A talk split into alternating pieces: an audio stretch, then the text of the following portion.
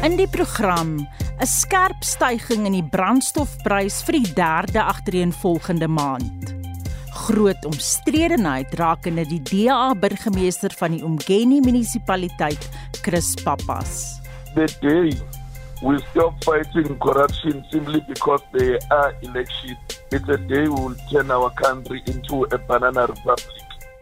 En die regering skuld die SAIK miljoene in TV-lisensiegeld. As die regering self dit nie belangrik ag om lisensie te betaal nie, hoekom sal die algemene publiek dan uit hulle pad uit gaan om 'n lisensie te betaal? So dis 'n baie slegte situasie.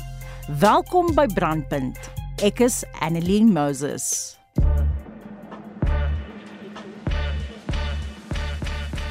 Alle aanduidings is daar dat diesel vanaand met meer as R1.60 per liter sal styg. Petrolpryse sal waarskynlik met tussen 75 en 80 sent per liter toeneem.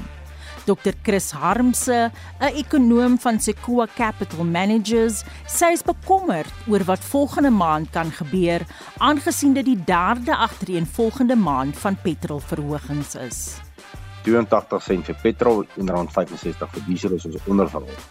Nou ons het verwag die aankondiging om te kom. Die probleem is, weet ons is nou die derde maand in ry dat pryse styg en die vraag is nou wat gaan volgende maand gebeur. Jy weet so dit maak dit baie moeilik. Ons sien elke dag 'n groot wipplank ryery en dit is nie net in Suid-Afrika nie. Net vir mense sê dis reg oor die wêreld. Daar is nou baie sterk aanduidings dat hierdie sterk stygings in die oliepryse een van die redes kan wees hoekom die sentrale reserveraad in die FSA waarskynlik in November rentekoerse gaan verhoog. Daar is duidelike aanduidings die Amerikaanse inflasiekoers besig om te draai. Dit gaan waarskynlik met ons ook gebeur. Harmse meen die rand se swak vertoning teenoor die dollar gaan 'n groot impak hê. Maar aan die ander kant het die rand wat nog gisteroggend hier by R18.90 was binne 2 dae met 30 sent verswak. Ons staan op R19.27 vandag. So dis die een teenoor die ander ene. So ons almal moet kyk so die die OPEC lande vergader môre en die groot ding wat hier gebeur is, weet die olie het met 11 dollar gestyg in 'n maand in die maand van September. En die hoofrede was is die internasionale reserve is besig om te krimp. Die OPEC lande hou 132 miljoen vate 'n maand terug wat hulle nie verskaf in die mark nie en FSA hou hom nou dop. Die FSA verloor nou elke week dollar reserve met tussen 3 en 4 miljoen vate. Hulle aantal reserve is nou net so oor die 400 miljoen vate, dis die laagste die laaste 12 jaar.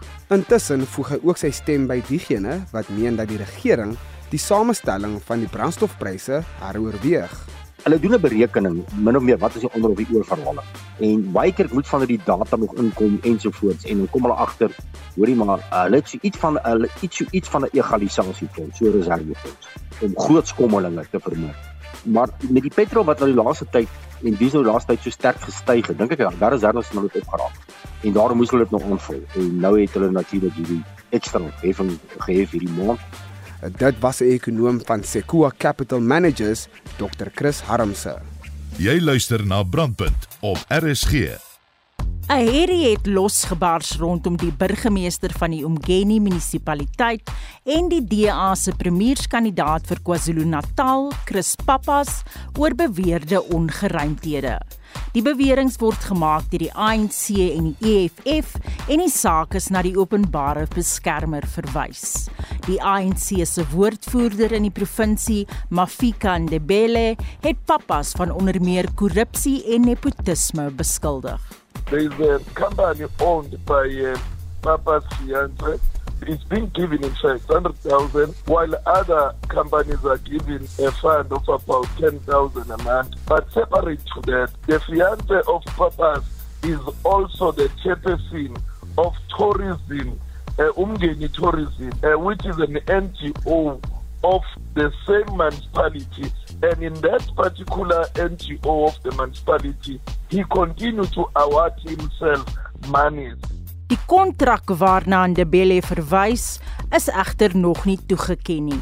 The company has already been identified through their own internal process as a company ready to be awarded or as a first prepared company, as number one company in the bid. So that is why we are then raising all of these matters. And we said we only said as it is. If our councillors raise these particular matters, let us take all of them let us subject them to investigation. Let the public protector investigate, but let also the MEC of uh, COGTA investigate. Papa sê die bewering is ongegrond en dat die tydsberekening hiervan verdag is. Ndebele sê egter dit is glad nie die geval nie. The day we stop fighting corruption simply because there are elections, it's a day we will turn our country into a banana republic. Every day, every month, every hour, we should fight corruption. And if DA is so committed to fight corruption as it always tells its voters, it should just do a simple thing. Allow papas to be subjected to investigation. Intussen sê 'n politieke wetenskaplike aan die Universiteit van Pretoria, Roland Henwood, die fokus moenie noodwendig op tydsberekening geplaas word nie.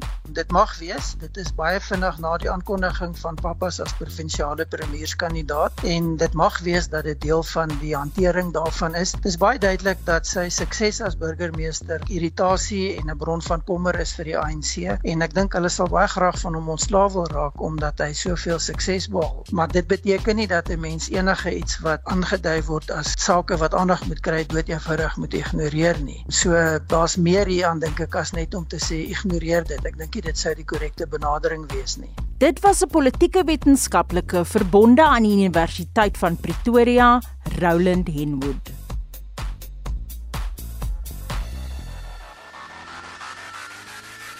72 paaie is steeds onbegaanbaar na die onlangse oorstromings in die Wes-Kaap. Die gemeenskap van McGregor bly tot 'n groot mate afgesny nadat verskeie brûe weggespoel het. Die Wes-Kaapse minister van infrastruktuur, Tertius Simmers, het gister besoek afgelê by die Oeverstrand en Langeberg munisipaliteite wat swaar getref is. Simmer sê die Wes-Kaapse regering werk onverpoost om paaie te heropen. In baie van hierdie areas die watervlakke moet nog verder daal vir die ware impak van die vloed om besef te kan word deur ons ingenieurs en die tegniese spanne wat as dit laasweek in die distrik is. Jy weet vandag ons natuurlik beweeg op die R321 dis nou daar tussen Elgin dis die pad wat jy vat na McGregor toe dis 'n belangrike landbou skakelpad weer eens die historiese brug, 'n groot groot gedeelte van die brug aan die onderkant in die pad is heeltemal uitgekalwer deur water en wat 'n dunne stroompie was, was letterlik nou meer as 6-7 meter breed. Weer eens daai pad is op 'n stop and go basis. Baie vra maar hoekom is daar stop and go die pad oppervlakte kan regtig op 'n punt, maar as jy onder die die teer oppervlakte, dis wat die groot probleem vir die tegniese spanne is. En op die R321 is daar natuurlik meer as een stop and go want weer eens die skade en die impak is onder die teeroppervlak. Maar jy kan ook sien van die paaie gaan begin insink, hulle begin al reeds in te sink op spesifieke plekke. Simmers sê daar is alternatiewe roetes na McGregor waar verskeie rolspelers hulp verleen. Wat van kardinale belang en bekommernis my ook self tans is dat weet die ATM's is leeg, daar's geld in die banke nie. Van jou jou winkels in in McGregor die dorp is heeltemal leeg en as my die balk voorraad daar in die probleem is dat die tydelike alternatiewe pad, ek sê die, die Koningsrivier pad jy kan nie groot interlinking trokke daarin vat nie in terme van die dorp omdat dit so ver van Robertson af as so jou basiese riool en ek weet nog wat ons met die ou Annie sakker waar die trok uitgaan en jy weet die riool opsuig die ingenieursplaaslik van die munisipaliteit en samewerking met die distrik munisipaliteit kyk ook tans hoe om daai probleem te adresseer totdat die brug natuurlik binne die volgende week of so oopgemaak gaan word. So daar is 'n interim plan in aksie maar behalwe wat Gift of the Givers doen, is daar 'n bestaande netwerk van samewerking met die plaaslike omliggende boere wat ook dan 'n handjie verleen om kosvoorraad na plaaswerkers in die plaasgemeenskap op die gemeenskap te kan kry. Dit was Tertius Simmers, die Wes-Kaapse minister van infrastruktuur. Brandpunt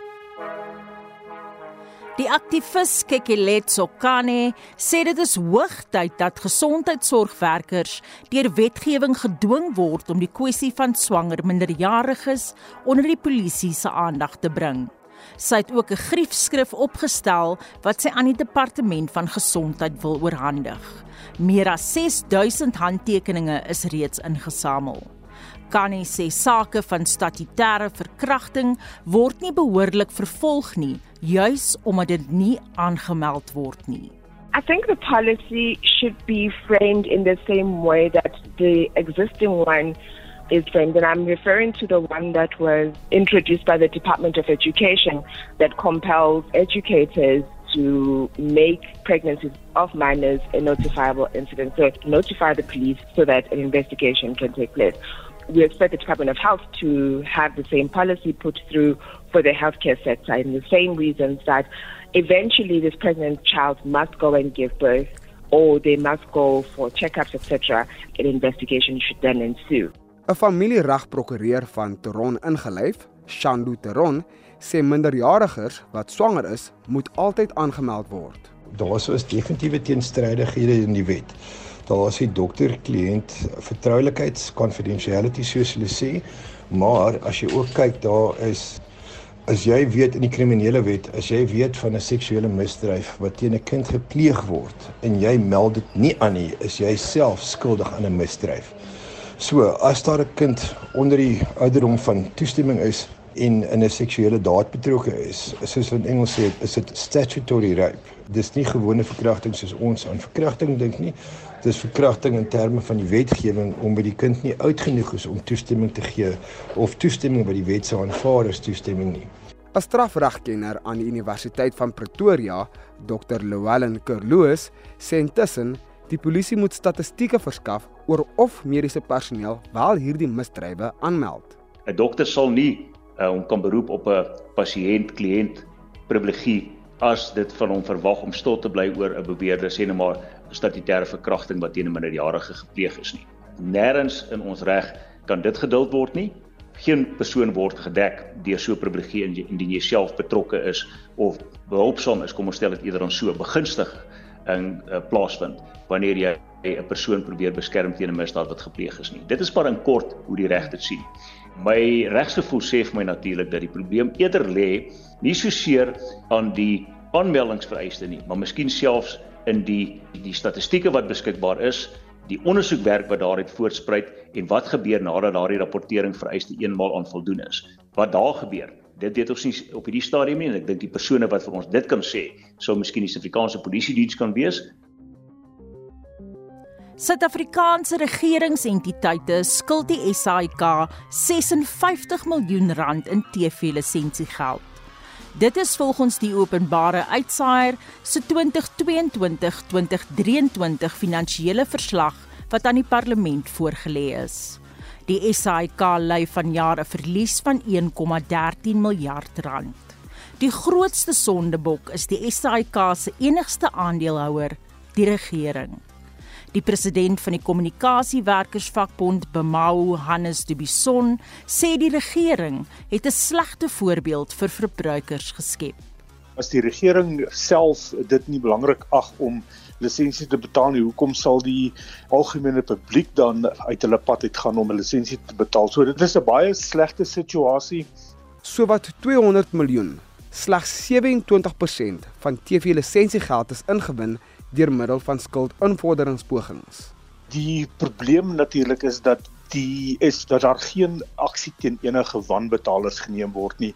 As 'n mens byvoorbeeld kyk na die BBC is hulle betaalpersentasie is 90%. Een uit elke 10 mense wat moet 'n lisensie betaal, betaal dit nie.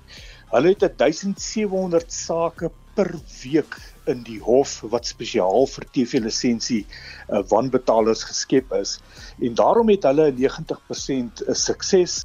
Dubison meen ook dat die SAIK vinnig sy model sal moet verander om by te bly met hoe die media en vermaaklikheidsbedryf groei. Media en vermaak inkomste het van 128.9 miljard rand in 2018 na 171 miljard rand gegroei die uh, radio en televisie was een van die grootste bronne van inkomste ten opsigte van advertensies.